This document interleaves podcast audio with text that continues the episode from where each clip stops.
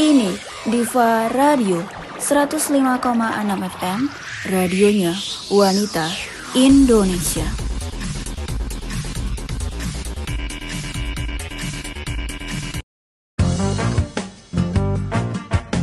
Don't go away Tetap digali Gadis Lifestyle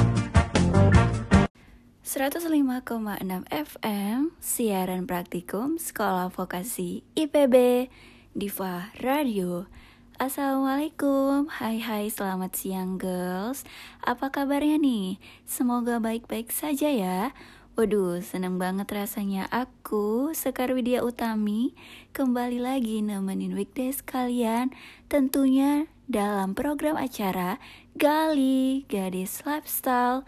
So girls, tetap dengerin di Radio ya, edisi Rabu 7 Oktober 2020. Don't go away, tetap digali Gadis Lifestyle. Seperti biasa nih, selama 45 menit ke depan, aku akan nemenin kalian semua di program acara Gali, Gadis Lifestyle, tips dan informasi seputar wanita masa kini. Girls, informasi pertama yang akan aku sampaikan pada siang hari ini adalah tentang mengapa sih kita harus mendukung pendidikan bagi wanita. Eits, sebelum kita ke informasi tersebut, aku bakalan ngeputarin nih sebuah lagu cover untuk kalian, biar pada makin semangat ngelanjutin aktivitasnya. Ini dia satu lagu cover dari Justin Vasquez yang berjudul I'd Rather. Check it out. I thought some time alone was what we really needed. You said this time would hurt more than it helps, but I couldn't see that.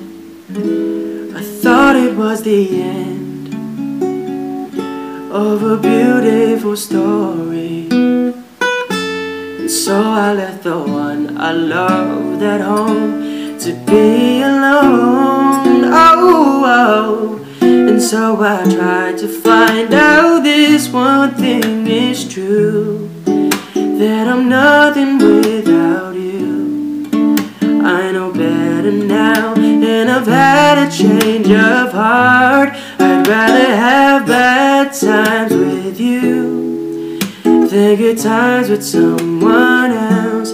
I'd rather be beside you in a storm than safe and warm by myself. I'd rather have hard times together than to have it easy apart. I'd rather have the one who holds my heart.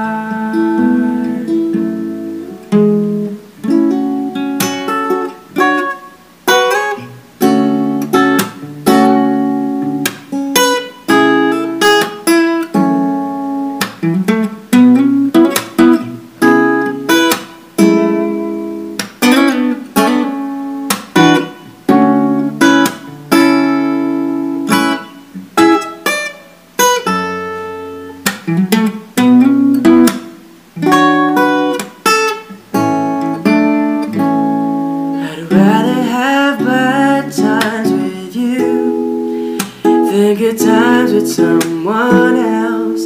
I'd rather be beside you in a storm than safe and warm by myself. I'd rather have hard times together than to have it easy apart. I'd rather have the one who holds my heart.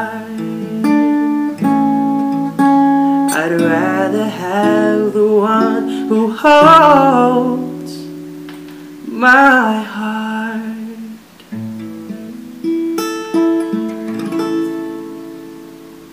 I made so many mistakes.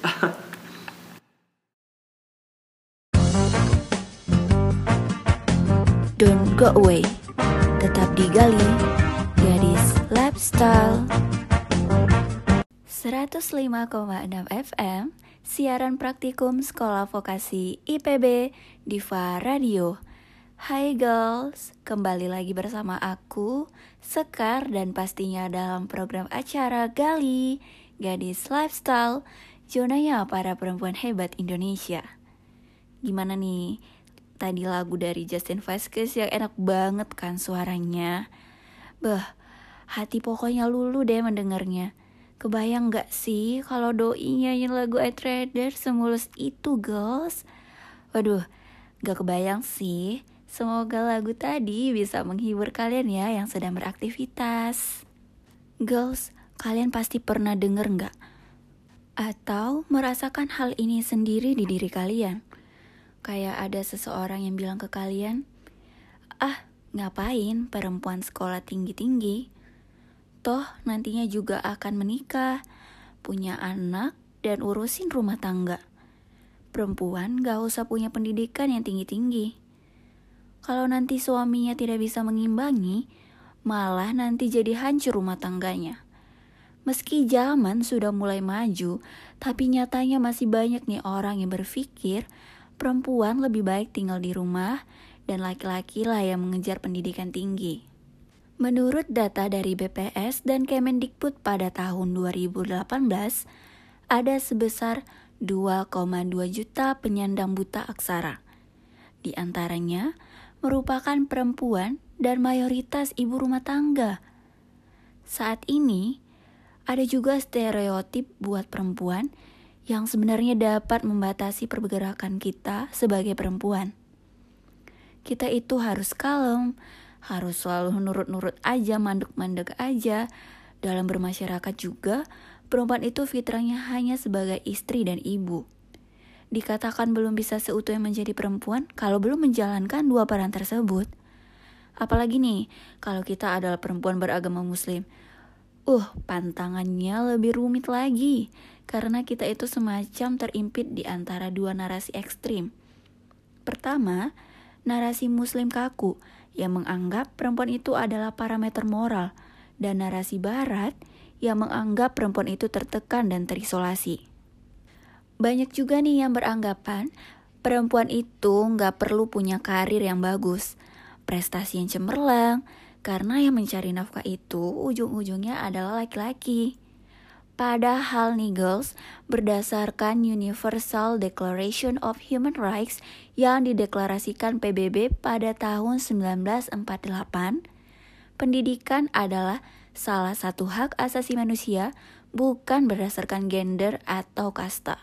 Perempuan yang berkontribusi lewat berbagai bidang dan cara sering sekali menghadapi hambatan bahkan celaan dari lingkungan. Sebagai perempuan, Sekadar membuat pilihan sudah menantang bagi kita ya gak sih? Kita sering dihadapi rasa bersalah walau memiliki tujuan yang mulia. Tidak sedikit perempuan juga cemas dengan kemampuannya sendiri. Tidak jarang malah menganggap rendah dirinya sendiri. Tidak heran, penelitian menunjukkan sukses berkolerasi positif untuk laki-laki namun membawa konsekuensi negatif bagi perempuan. Menjadi sukses dan disukai bukanlah hal yang biasa untuk perempuan. Justru sering bertolak belakang. Kenyataan, kadang di sekeliling menunjukkan terkadang ambisi yang kita miliki dianggap bertentangan dengan tradisi. Pekerjaan perempuan yang mengupayakan posisi dianggap pula hanya memikirkan diri sendiri. Mereka yang berani untuk diri malah sering kali dihindari. Bahkan saat sudah berhasil pun, walaupun sukses membawa keuntungan bagi orang banyak pun, tetap saja cibiran masih terus datang.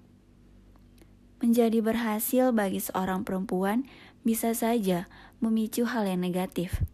Dianggap begini, dianggap begitu, ditakar bermacam-macam banyak yang harus diperbaiki. Tapi, mari kita memulai dari diri kita sendiri. Tidak ada yang lebih tahu siapa perempuan selain kita sendiri. Harga diri tidak ditentukan oleh orang lain, girls, melainkan pengenalan atas diri sendiri, tahu kekuatan dan kekurangan diri sendiri, dan yang terpenting, paham apa yang direalisasikan. Girls, pendidikan itu sangat penting untuk perempuan. Mengapa? Yang pertama nih, perempuan adalah sekolah pertama bagi anak-anaknya. Perempuan memiliki kuadrat untuk menjadi seorang ibu. Ibulah yang mendidik anak dan menanamkan akhlak yang baik bagi anaknya. Yang kedua, pendidikan adalah modal utama.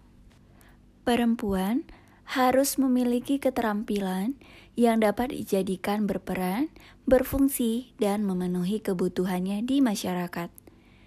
Yang ketiga, mendukung kehidupannya sendiri dan orang lain. Keterampilan yang dimiliki oleh perempuan akan mendukung kehidupannya dan kehidupan orang lain juga. Yang keempat, dapat mengikuti zaman dan teknologi dibutuhkan seorang ibu yang melek teknologi, minimal menjaga sang anak dari konten-konten yang tersebar di internet seperti saat ini, girls. Dan yang kelima, mencegah pernikahan dini. Di Indonesia, anak diwajibkan bersekolah 12 tahun. Setidaknya, jika perempuan dinikahkan setelah lulus SMA, maka usianya sudah berada di 17 tahun. Perempuan seharusnya saling bergandengan tangan, bukan malah saling menjatuhkan. Mungkin kadang melihat hidup sebagai ajang kompetisi karena perempuan punya keterbatasan ruang yang didominasi oleh laki-laki. Jadi, tanpa kita sadari, kita sering khawatir, cemas, dan segala tidak cukup untuk diri sendiri. Akibatnya, siapa pun bisa dianggap sebagai ancaman, ada fenomena yang dikenal dengan istilah Queen Bee Syndrome. Hasil penelitian mengungkapkan sekitar 38% perundung di tempat kerja adalah seorang perempuan. Dan hampir 90% lainnya mereka memilih perempuan lainnya sebagai korban. Padahal menjadi positif bukan pertanda kita lemah. Mendukung mereka yang berhasil bukan berarti kita mengakui kegagalan, girls. Yakin bahwa kesuksesan tidak perlu diperebutkan dan kerja bersama bisa lebih didahulukan. Akan membuat perempuan tidak pernah sendirian, kita ditemani oleh yang lain, oleh perempuan yang lain. Mari membicarakan pencapaian teman kerja perempuan kita. Kenapa sih itu perlu girls? Karena jika lelaki dipromosikan karena potensinya, maka perempuan hanya berdasarkan performa yang sudah dibuktikannya.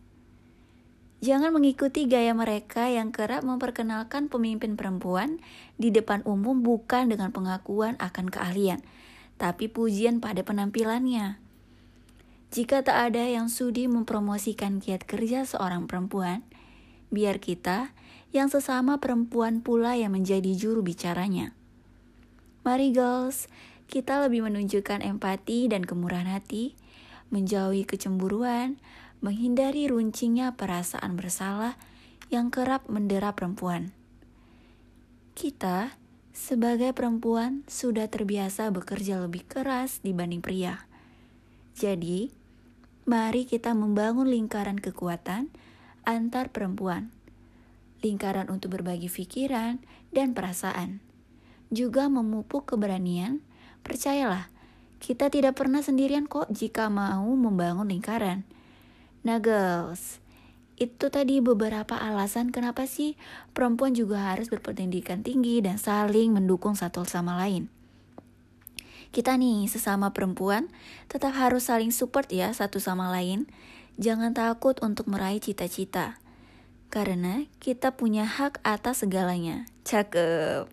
Selanjutnya, aku bakalan memberikan informasi tentang bertubuh gemuk, bukan perihal yang besar. Penasaran gak girls? Oleh karena itu, tetap stay tune ya di 105,6 FM, siaran praktikum Sekolah Vokasi IPB Diva Radio. Don't go away, tetap digali, gadis lifestyle ketika tekanan kerja mendera dan hidup terasa membebani. Jiwa dan langkah sudah kehilangan arah. Saat itulah narkoba mengulurkan tangan jahatnya, merenggut karir, merampas pekerjaan, menghancurkan orang-orang tercinta. Tiada tempat untuk berlari, kecuali memperteguh diri dan kembali ke pelukan keluarga. Maka, sayangi keluargamu dan jauhi narkoba. Iklan layanan masyarakat ini dipersembahkan oleh Badan Narkotika Nasional Kota Tanjung Balai, Sumatera Utara. Don't go away, tetap digali, gadis lifestyle. 105,6 FM, siaran praktikum komunikasi Sekolah Vokasi IPB Diva Radio. Oke oke, Sebelum nih aku memberikan informasi kedua girls, aku bakalan ngeracunin kalian nih dengan sebuah serial Netflix yang lagi hits banget yang berjudul Emily in Paris. Serial Emily in Paris ini sudah bisa disaksikan di Netflix sejak 2 Oktober 2020 minggu lalu loh girls. Serial ini mengisahkan kehidupan Emily, perempuan asal Amerika Serikat yang hidup dan bekerja di Paris. Emily Cooper merupakan seorang perempuan muda berusia 20-an yang tinggal di salah satu kota besar di Amerika Serikat. Dia bekerja di sebuah agen pemasaran yang dipimpin oleh Madeline yang diperankan oleh Kate Weiss. Untuk mengembangkan usahanya, perusahaan tempat Emily bekerja membeli nih sebuah firma pemasaran yang berbasis di Paris. Firma itu terkenal dengan barang-barang mewah. Untuk bisa memantau dan menerapkan kultur atau budaya perusahaan, Emily seharusnya pindah ke Prancis. Nah, sayangnya si Madeline baru mengetahui bahwa dia hamil girls. Alhasil, Madeline yang mengirim Emily ke Paris, penugasan ini cukup membuat Emily bahagia. Walaupun harus berpisah dengan pacarnya. Sedih banget, ya ampun. Namun, masalah muncul saat Emily mulai masuk kantor barunya di Paris itu. Banyak karyawan yang meremehkannya. Belum lagi nih, kendala bahasa yang berbeda. Banyak pegawai yang tidak bisa menggunakan bahasa Inggris. Pemimpin lama perusahaan itu juga berusaha nih membuat Emily tidak betah dalam kesehariannya. Emily dikucilkan termasuk tidak ada yang menemaninya makan siang. Emily harus menghadapi semua itu dan belajar menyesuaikan diri. Ada nih beberapa alasan girls mengapa sih serial ini layak untuk ditonton. Yang pertama adalah ratingnya cukup bagus girls. Penonton Emily in Paris memberikan rating cukup bagus di situs web Rotten Tomatoes dan IMDb.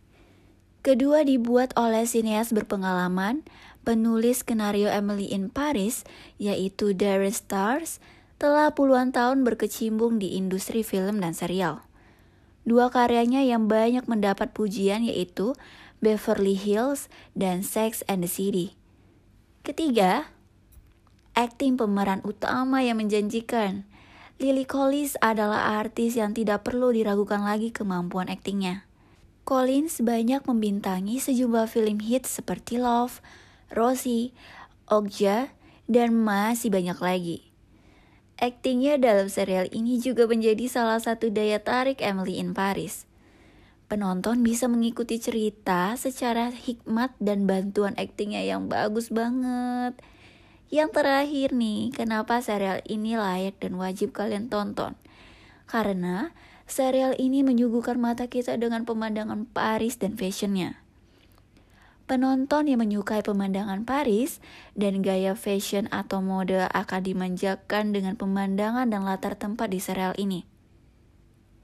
Kostum yang digunakan para pemain juga menarik untuk diikutin.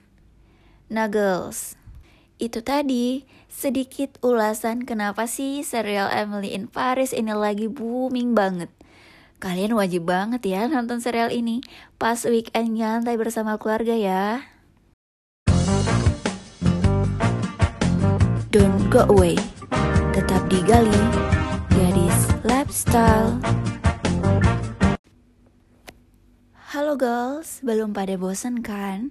Karena aku masih ada informasi menarik yang kedua nih buat kalian tentang permasalahan yang baru gak selesai-selesai deh di kalangan masyarakat yang mengintimidasi cewek berbadan gendut nih. Dear para cewek bertubuh gemuk, kita nggak salah, kita boleh kok merasa pede, percaya diri, dan mencintai tubuh ini.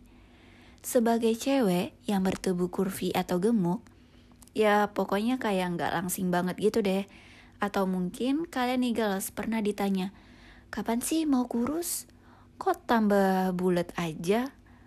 Kok lah kok lo nggak kurus-kurus sih dan banyak lagi kadang tuh kayak mulai cuma iseng-isengan berhadiah beneran ingin nyindir atau mungkin emang serius nanya ingin tahu gitu tapi ya pasti apa pun alasannya pertanyaan itu sering kali bikin kita atau cewek yang merasa badannya gemuk lainnya merasa ya kesel ya gak sih? Meski biasanya ditanggepin dengan ketawa atau senyum-senyum doang, Pasti nih, aslinya ada aja rasa kesel atau jadi kepikiran yang akhirnya menimbulkan rasa insecure lalu jadi gak pede, mempertanyakan diri sendiri.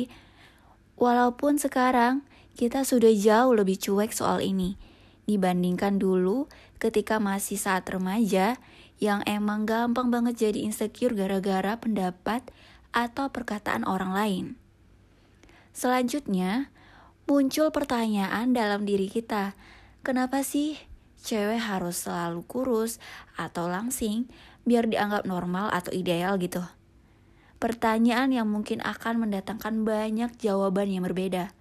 Mulai dari yang mendukung seperti, iyalah biar enak dilihat, atau yang bertentangan seperti, eh kata siapa, enggak kok. Terlepas dari jawaban apa pun girls, kita enggak bisa memungkiri bahwa Seringkali ada tuntutan tersendiri bagi cewek untuk punya tubuh yang kurus. Bahkan, diri kita sendiri pun sebenarnya sering kali memunculkan tuntutan itu dan menganggapnya sebagai sesuatu yang memang harus dipenuhi. Halaman web cewekbanget.id sempat mengadakan survei terhadap 255 cewek berusia 12 sampai 18 tahun di Jabodetabek tentang bagaimana mereka melihat tubuh mereka dan tubuh orang lain di media sosial dan hasilnya 69% kadang mengkritik atau mereka kurang pede dengan tubuh sendiri. Khususnya kalau lagi foto bareng teman-teman nih, karena mereka merasa fisik teman-teman lebih kece ketika melihat cewek dengan tubuh gak ideal di postingan foto di medsos memakai pakaian seksi, 75% cuek saja. Nggak komen tapi merasa nggak suka gitu, bener nggak? 20% berkomentar tapi langsung bergosip nih sama teman-teman. Dan 5% lainnya langsung komentar mengungkapkan rasa enggak sukanya. Lalu, Pertanyaan selanjutnya, seperti apakah bentuk tubuh ideal itu sih? 42% tubuh yang proporsional dan atletis, enggak gemuk, tapi enggak juga terlalu kurus. 22% bilang terserah, yang penting sehat dan orangnya merasa nyaman. 17% bilang tubuh ideal itu agak berisi di bagian-bagian tertentu, seperti di dada ataupun pinggang. 57% responden mengaku lebih enggak suka melihat cewek yang terlalu kurus. Sementara, 39% responden mengaku lebih enggak suka melihat cewek yang kelebihan berat badan. Jadi, memang hampir semua cewek atau bahkan cowok di dunia menganggap kalau cewek ideal atau normal itu adalah cewek yang bertubuh langsing. Dan stigma itu sulit banget nih dihilangkan. Meskipun tentu saja banyak cewek yang bertubuh kurvi atau gemuk atau bahkan yang sangat kurus sudah nggak mau ambil pusing lagi nih tentang tuntutan ini itu. but still it always there ya nggak sih girls? Lihat aja, masih banyak iklan-iklan di luar sana yang body shaming dengan mengharuskan cewek mempunyai tubuh yang langsing dan sempurna. Selanjutnya, stigma tentang body image. Kita bisa lihat stigma di masyarakat dunia. Kalau cewek yang berbadan kurus atau ideal itu lebih cantik dan lebih menarik. Media pun berperan besar dalam menumbuhkan stigma ini. Karena mereka selalu memotret bahwa cewek yang cantik dan menarik adalah cewek yang bertubuh langsing. Dengan perut rata, paha dan kaki jenjang, dan ini sudah terjadi selama puluhan bahkan ratusan tahun, girls. Coba aja deh cek berbagai perubahan bentuk tubuh ideal bagi cewek dari masa ke masa ini. Meski tubuh berisi sempat jadi ideal, tapi semuanya masih bisa dibilang kurus. Apa yang dipotret di media ini pun secara enggak sadar jadi sebuah konsep tentang bentuk tubuh atau body image yang ideal bagi hampir semua orang. Masa di mana kita lagi puber, sering merasa insecure dan mikirin banget semua pendapat orang tentang kita. Kalau menurut psikolog Ferauli, masa remaja ini adalah masa di mana kita mengalami yang namanya distorsi kognitif, yaitu cara berpikir yang berlebihan atau enggak masuk di akal, yang memicu munculnya egosentris hingga memicu munculnya personal gable. Jadinya, merasa kalau kita selalu ada di bawah sorotan dan bahwa semua orang selalu memperhatikan segala sesuatu tentang kita, termasuk tentang perubahan fisik.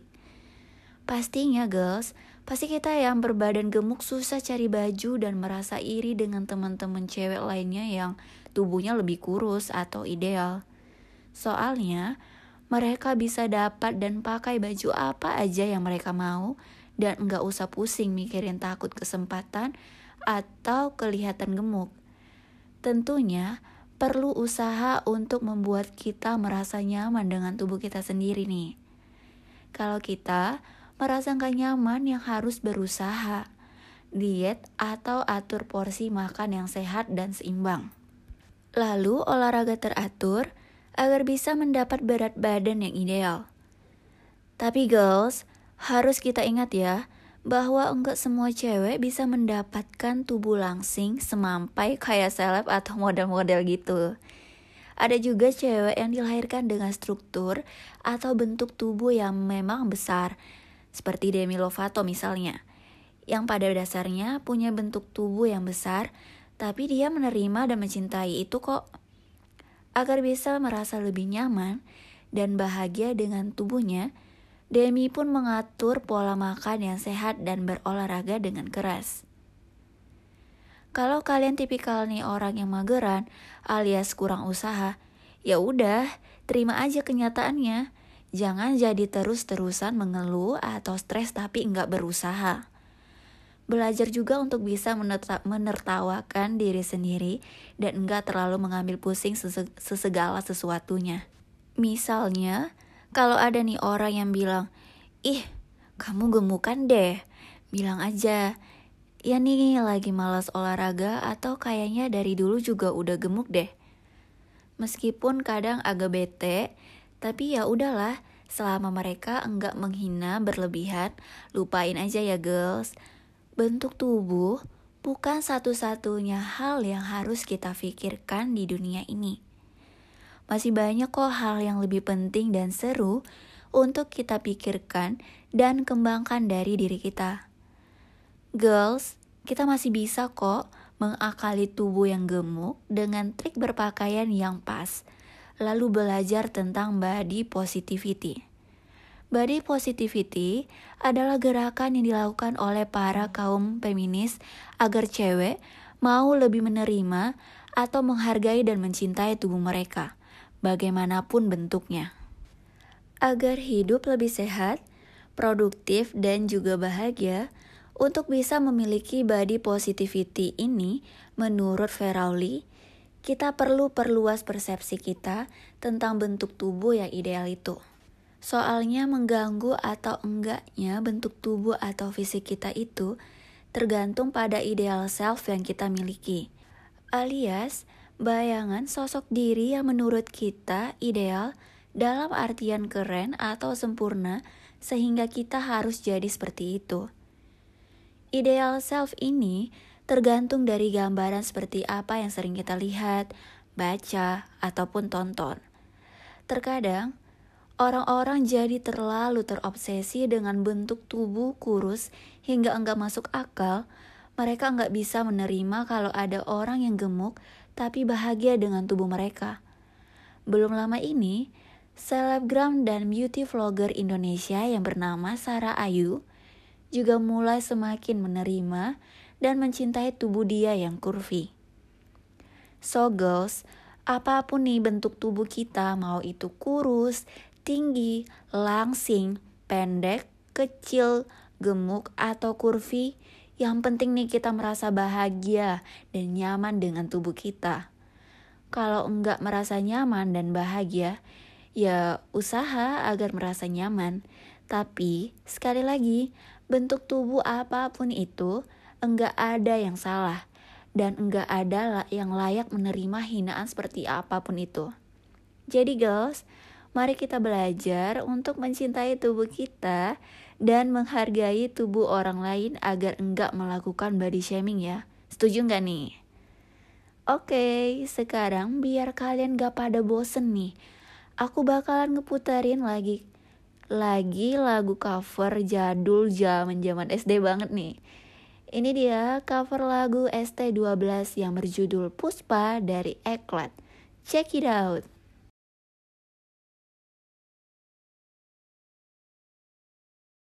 Kau gadisku yang cantik, coba lihat aku di sini. Di sini ada aku yang cinta padamu.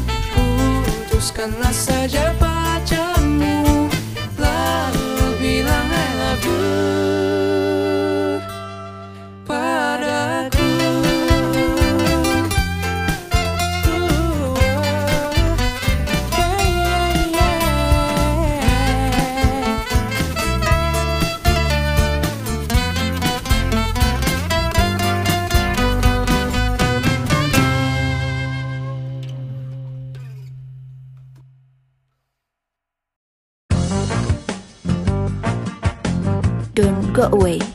Tetap digali. Gadis Lifestyle. Aduh, malah panas banget hari ini. Kulit aku kan jadi kusam, jerawatan lagi. Kenapa sis? Kok kelihatan kayak kesel gitu? Iya nih, kulit wajah aku makin hari makin kusam aja deh. Udah cobain serum ini itu, tetap aja kusam. Jerawatan juga, aduh gimana ya? Tenang aja sis, sekarang ada serum mengandung ekstrak biji bunga mentari yang ampuh menyamarkan kulit kusam dan jerawat. Lah, seriusan sis? Iya, bener sis. Nih, kamu coba Wardun serum ekstrak biji bunga mentari. Wah, bener banget sis. Sekarang wajah aku terlihat lebih cerah dan bebas jerawat semenjak pakai serum dari Wardun. Bener kan yang aku bilang? Wardun emang terbukti ampuh menghilangkan jerawat dan bebas kulit kusam. Sekarang Wardun ada kemasan sasetnya juga loh, lebih ekonomis dan mudah dibawa. Yuk buruan beli sekarang juga tersedia di Alfamida dan toko online lainnya.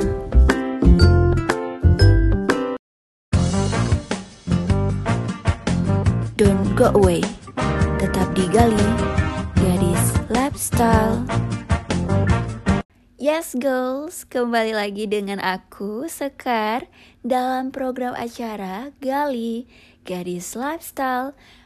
Aduh, nggak kerasa ya, udah 45 menit aku nemenin siang hari kalian. Semoga apa yang aku infoin bermanfaat untuk kalian ya. Buat yang lagi makan siang, selamat makan girls. Dan buat yang lagi di jalan, hati-hati ya. Ingat jangan ngebut-ngebutan. Makasih nih udah nemenin aku berbagi info dan lagu di program acara Gali, Gadis Lifestyle. Happy weekdays, see you tomorrow. Aku Sekar, pamit undur diri. Ada sumur di ladang, boleh kita menumpang mandi. Ada umur yang panjang, boleh kita berjumpa lagi. Sampai ketemu lagi di mana lagi kalau bukan di 105,6 FM siaran praktikum Sekolah Vokasi IPB Diva Radio.